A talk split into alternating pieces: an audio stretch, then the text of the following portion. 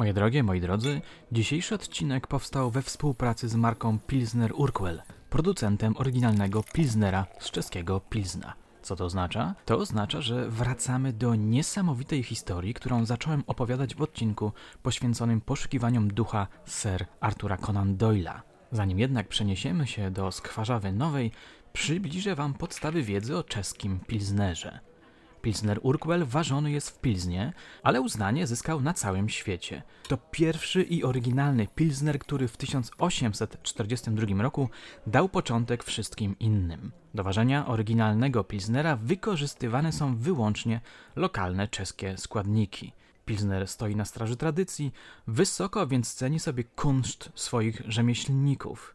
Kilka pożytecznych słówek, którymi posługują się bywalcy tego aromatycznego świata. Piwowar to osoba, która waży pilznera tradycyjnie w kadziach warzelnych, chroniąc nie tylko jego smak, ale także zanikające praktyki rzemieślnicze. Tapster to mistrz barmaństwa. Według czeskiej tradycji piwowar waży piwo, ale to tapster tworzy piwo.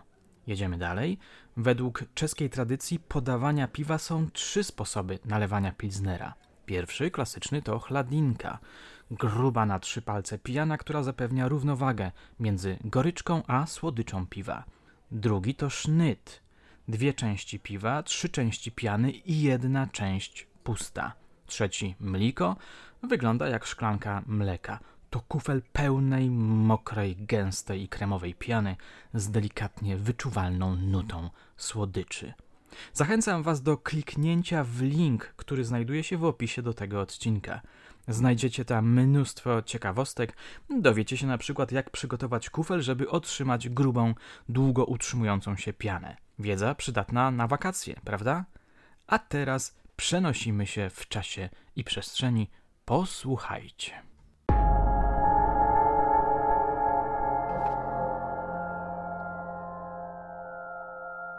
Nazywam się Michał Larek, a to jest mój kryminalny podcast Zabójcze opowieści. Odcinek specjalny Złośliwy Inkubus.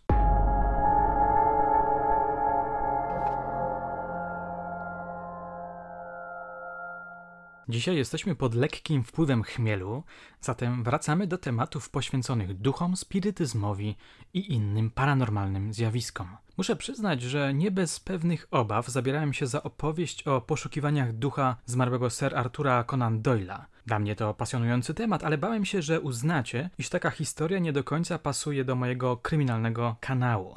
Tymczasem po emisji tamtego odcinka pisaliście do mnie o różnych swoich przygodach z owym innym wymiarem rzeczywistości. W pewnym momencie poczułem się jak agent Fox Mulder z Archiwum X, który, nawiasem mówiąc, był w latach 90. moim wielkim idolem. Na przykład Anna, która mieszka w Anglii, napisała mi o swoich przeżyciach z czasów, kiedy pracowała w Wingfield Nursing Home, mieszczącym się w bardzo klimatycznym, wiktoriańskim budynku. Kiedy przeszłam na nocki, zawsze o trzeciej rano działy się w nim różne cuda, pisała do mnie na Instagramie. Kilka koleżanek słyszało szepty, głosy dzieci. Drzwi same się zamykały, światła migotały. Czasami miałyśmy wrażenie, że ktoś nas obserwuje. Takie dziwne rzeczy miały miejsce na najwyższym piętrze oraz w piwnicy. Parę razy wydawało nam się, że kogoś widzimy, dla spokoju umysłu tłumaczyłyśmy to zmęczeniem, ale do piwnicy ani na najwyższe piętro nie szłyśmy nigdy w pojedynkę.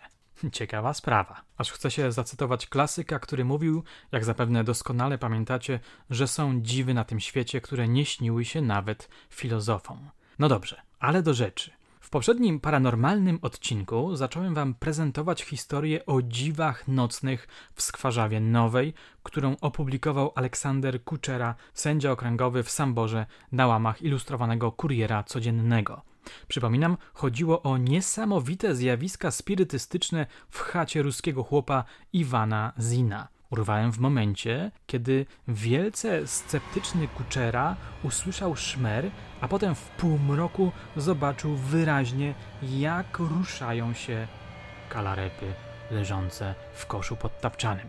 Pogaście teraz światła, zapalcie świeczki i posłuchajcie mnie bardzo uważnie.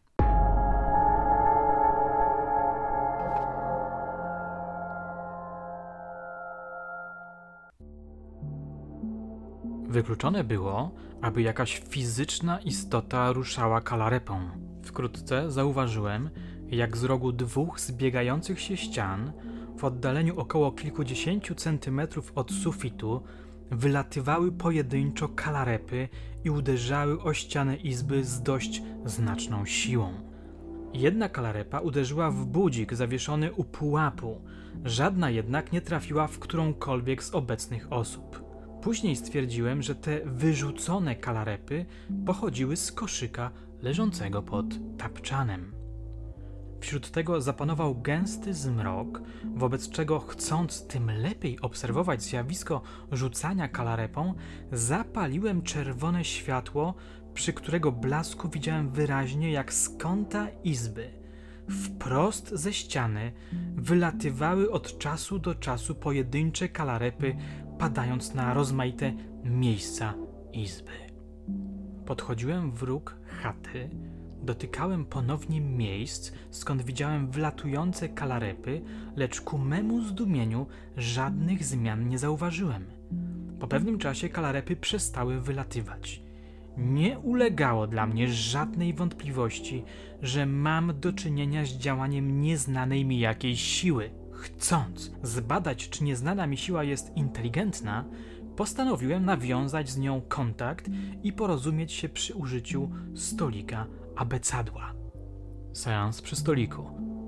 W tym celu kazałem wnieść na środek izby niski dębowy stolik. Światło zgaszono, po czym trzymając się za ręce w formie łańcucha ponad stolikiem, wyczekiwaliśmy dalszych zjawisk. Kilka minut później stolik zaczął się ruszać i okazywać niepokój. Wezwałem więc rzekomego ducha, aby zamanifestował swoją obecność. Na to dało się słyszeć skrobanie jak gdyby pazurami jakiegoś zwierzęcia, dochodzące nas od spodu stolika. Ułożywszy na prędce alfabet dostosowany do pukania, wezwałem manifestującą się siłę, aby wypukała, kim jest. Stolik zaczął wypukiwać znaki w ten sposób, że odgłos pukania dochodził nas spod spodu stolika. Nikt z nas nie mógł ani nogą, ani ręką pukać, czemu ja przez użycie odpowiednich środków zapobiegłem. Zresztą oczy nasze przyzwyczaiły się już do ciemności, pośród której widzieliśmy nasze ręce, nogi, wobec czego wykluczone było oszustwo. Mychajło.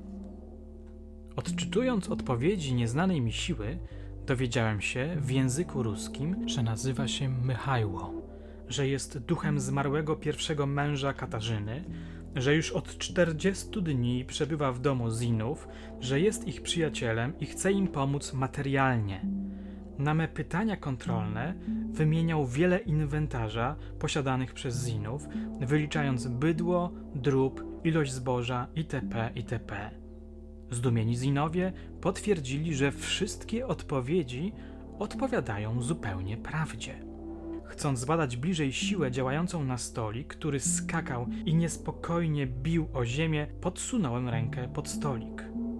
Odniosłem wówczas wrażenie, że powietrze pod stolikiem jest puste, zimne i paduje tam silny przewiew. W pewnym momencie stolik podniósł się nagle do góry, zaczął płynąć cichutko po izbie pod samym sufitem na podobieństwo lotu nietoperza. Następnie zniżył się stolik, upadając na nogi leżącej na tapczanie Kasi Zinowej, przed którą zrobił dyk, po czym opadł na ziemię w środek naszego koła. Osobliwe aporty. Następnie zwróciłem się z prośbą do Michajła, tak go odtąd nazywałem, aby przyniósł mi jakiś przedmiot na znak, że pochodzi od niego i abym mógł wykazać się nim w Samborze po powrocie do domu. Na to wezwanie drgnął stolik i popędził ruchem szybkim, chyboczącym na podobieństwo czworonożnego zwierzęcia w róg izby pod tapczan. Po upływie czterech minut powrócił ten stolik w ruchach podskakujących i stanął w naszym kole. Badając powierzchnię stolika, zauważyłem leżący bilet kolejowy. Po zapaleniu światła stwierdziłem ponad wszelką wątpliwość, że przyniesiony bilet kolejowy jest tym samym biletem, który w drodze z Żółkwi do Skwarzawy Nowej wyrzuciłem z kieszeni jako zupełnie nieprzydatny dla mnie i bezwartościowy w oddaleniu dwóch lub trzech kilometrów od domu Zinów. Zdumienie moje nie miało granic, gdyż nie mogłem sobie w żaden sposób wytłumaczyć, jak mógł Mychajło wiedzieć o wyrzuceniu przeze mnie biletu i dlaczego ten właśnie bilet przyniósł mi w upominku. Po zgaszeniu światła i zajęciu tego samego miejsca jak przedtem, robiłem wyrzuty Mychajłowi, że przyniósł mi bezwartościowy przedmiot. I wezwałem go ponownie, aby mi przyniósł inny jakiś przedmiot. Na to stolik, naśladując ruch zwierzęcia, pobiegł w róg izby, po czym po upływie kilku sekund przybiegł w środek nas i uderzył mnie w kolano. Badając powierzchnię stolika, natrafiłem na wielki gwóźdź, który wedle opowiadania Iwana Zina tkwił przedtem w ścianie izby. Gwóźdź ten schowałem do kieszeni na pamiątkę. Czy istotnie pochodził ze ściany? Tego oczywiście nie mogę potwierdzić, gdyż przed zjawiskiem nie wpadło mi nawet na myśl kazać zbadać wszystkie gwoździe w izbie. Widziałem wprawdzie w ścianie znak od gwoździa, lecz nie mogę potwierdzić, czy właśnie ten gwóźdź pochodził z okazanego mi przez Zina miejsca. Niezadowolony z takiego przebiegu zjawiska, wezwałem prost Michajła, aby przyniósł mi tym razem pieniądze. Na to wezwanie popędził stolik tym samym ruchem w to samo miejsce. Po upływie kilku sekund usłyszałem w powietrzu szmery, jak gdyby ktoś miał w ręce banknot papierowy. Wnet następnie przybiegł w podskokach stolik, uderzając o moją nogę. Na górze stolika widać było poruszający się banknot. Zaświeciwszy światło, przekonałem się, że był to banknot austriacki.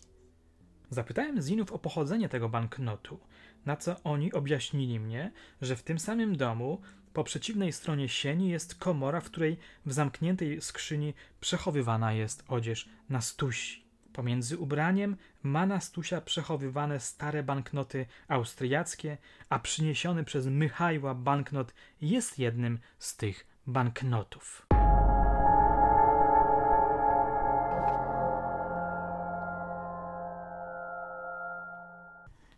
I co wy na to? Tutaj następuje cięcie, artykuł się kończy. Dalszy ciąg tej paranormalnej historii znalazłem w kolejnym numerze ilustrowanego kuriera codziennego. Co ciekawe, został opatrzony bardzo poważnym komentarzem redakcji. Kończąc interesującą nas, a tak typową relację pana Kuczery, pragnęlibyśmy, aby kompetentni w dziedzinie metapsychologii badacze skorzystali ze sposobności spotkania się w skwarzawie z tak silnymi zjawiskami spontanicznego mediumizmu. Należy czym prędzej przystąpić do badania, bo zjawiska takie przemijają zazwyczaj i ustają po kilku tygodniach. Wnioskując z opisu pana Kuczery, przypuszczamy, że rolę nieświadomego medium spełnia albo żona Katarzyna Zinowa w okresie klimakterium, albo młoda Nastka. Hmm, klimakterium i medium ciekawe połączenie. Jesteście ciekawi dalszego ciągu? Nie chciałbym was zanudzać, ale zakładam, że tak, więc kontynuuję i jednocześnie pozdrawiam agentów Skali i Moldera. Drugi seans w nocy. Po przerwie około godziny 10 w nocy rozpoczęliśmy kolejną część seansu i zajęliśmy miejsca jak przedtem. Zaledwie utworzyliśmy łańcuch nad stolikiem, zaczął on gwałtownie się poruszać, a następnie wyrwał się z wielką siłą z naszych rąk i za jednym susem znalazł się w rogu izby. Na mą prośbę powrócił wprawdzie, lecz położył się na bok w naszym kole. Na mą uwagę, Michale, ty już śpisz, wstań, zerwał się, powstał na cztery nogi i począł trzepotać. To dziwne zachowanie stolika rozśmieszyło małego Piotrka. Ku memu zdumieniu zauważyłem, jak stołek wskoczył na chłopca i począł go kopać nogami. Kto wie, jakby się ta sprawa zakończyła, gdybym nie użył najsłodszych słów, zaklinając Michajła, aby dał spokój biednemu chłopcu. Michajło ustąpił, lecz za to trzy razy przeskoczył przez jego głowę, nabawiając go strachu i niepokoju. Kiedy Nastusia zwróciła uwagę Michajła, dlaczego nas straszy, otrzymała odeń policzek tak silny, że aż z bólu jęknęła. Złośliwy Michajło. Odtąd zaczął Michajło okazywać jakieś dziwne zdenerwowanie i złość.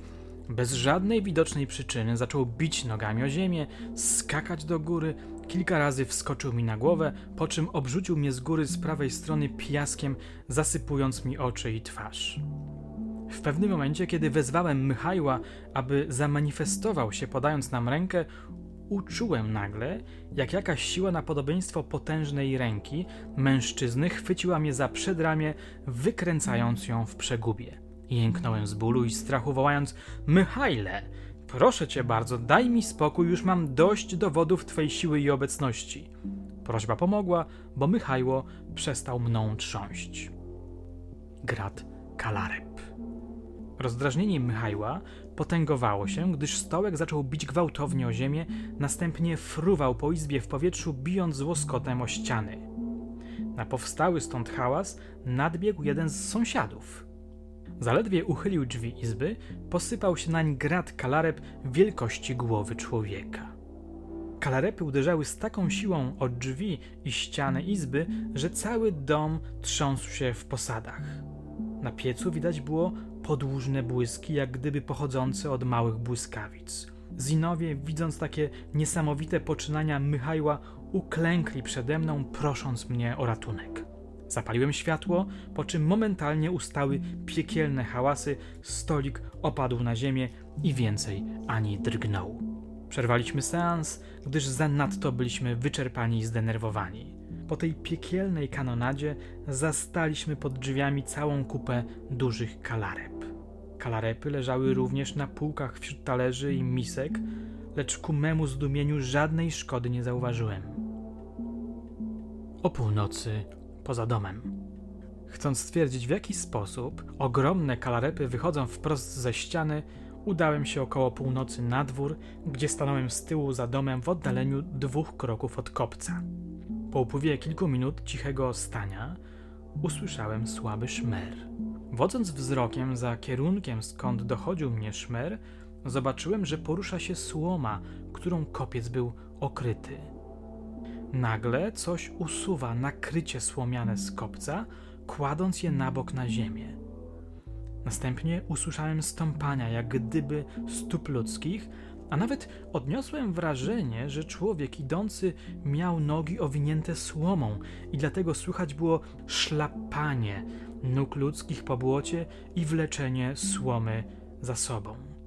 Mimo wytężenia wzroku żadnej postaci nie zauważyłem, jakkolwiek było na tyle jasno, że musiałbym człowieka lub zwierzę zauważyć. Halucynacja wzrokowa i słuchowa była wykluczona, gdyż później w towarzystwie Iwana Zina stwierdziłem ponad wszelką wątpliwość, że kopiec, w którym były przechowywane duże kalarepy, stał odkryty, a okrycie ze słomy leżało obok na ziemi, jakkolwiek tego samego wieczora stwierdziliśmy przedtem, że kopiec był nietknięty. Inkubus. Powróciwszy do izby, zdecydowałem, że ze względu na spóźnioną porę była godzina pierwsza po północy i czekający mnie wymarsz do stacji kolejowej w Glińsku o godzinie 2.30 zaniechamy dalszych eksperymentów. Rodzina Zinów spała na tapczanie, ja zaś ułożyłem się w ubraniu na ławie pod oknem, przykrywając się futerkiem. Światło zgaszono. Doznawszy tej nocy tak silnych wzruszeń, nie mogłem ani ja, ani Zinowie zasnąć. Po upływie kilku minut dały się słyszeć słabe szmery i pukania dochodzące mnie od ściany, pod którą Zinowie spali. Nie zwracałem na to zbytniej uwagi, wmawiając w siebie, że to odgłosy uderzeń bydła nogami o ścianę w stajni oddalonej od chaty o jakie dwadzieścia metrów. Skoro jednak w parę minut później uczułem dokładnie, że jakaś siła szarpie i zrywa ze mnie kożuszek, opuściła mnie dotychczasowa zimna krew i krzyknąłem głośno. Równocześnie zaświeciłem momentalnie, lecz niczego podejrzanego nie zauważyłem. Kiedy opowiedziałem Zinom o moich spostrzeżeniach, opowiedzieli mi w tajemnicy nawzajem, że przed kilkoma dniami w nocy jakiś złośliwy inkubus dusił nastkę, splótłszy jej kibić i szyję ramionami. Broniąc się, przed natrętem krzyczała z całych sił, budząc krzykiem i płaczem całą rodzinę. O godzinie 2.30 po północy pożegnałem się z Zinami, obiecując przybyć za jakiś czas celem kontynuowania obserwacji. Kiedym przy świetle przestępował próg, zleciał jak ptak z drzewa talerz blaszany z półki, padając u moich stóp. Nie tłumaczę tych zjawisk, opisałem je tylko. Zaznaczam jednak, że dla dobra nauki podałem wszystkie zjawiska zgodnie z prawdą, tak jak ja sam i moi współwidzowie Zinowie je zaobserwowali. Wykluczam jakąkolwiek halucynację wzrokową, słuchową lub dotykową, gdyż cieszę się wybornym zdrowiem fizycznym i duchowym, rozporządzam wielką siłą woli i odporności na jakiekolwiek sugestie. Sambor dnia 31 marca 1928 roku Aleksander Kuczera, sędzia okręgowy.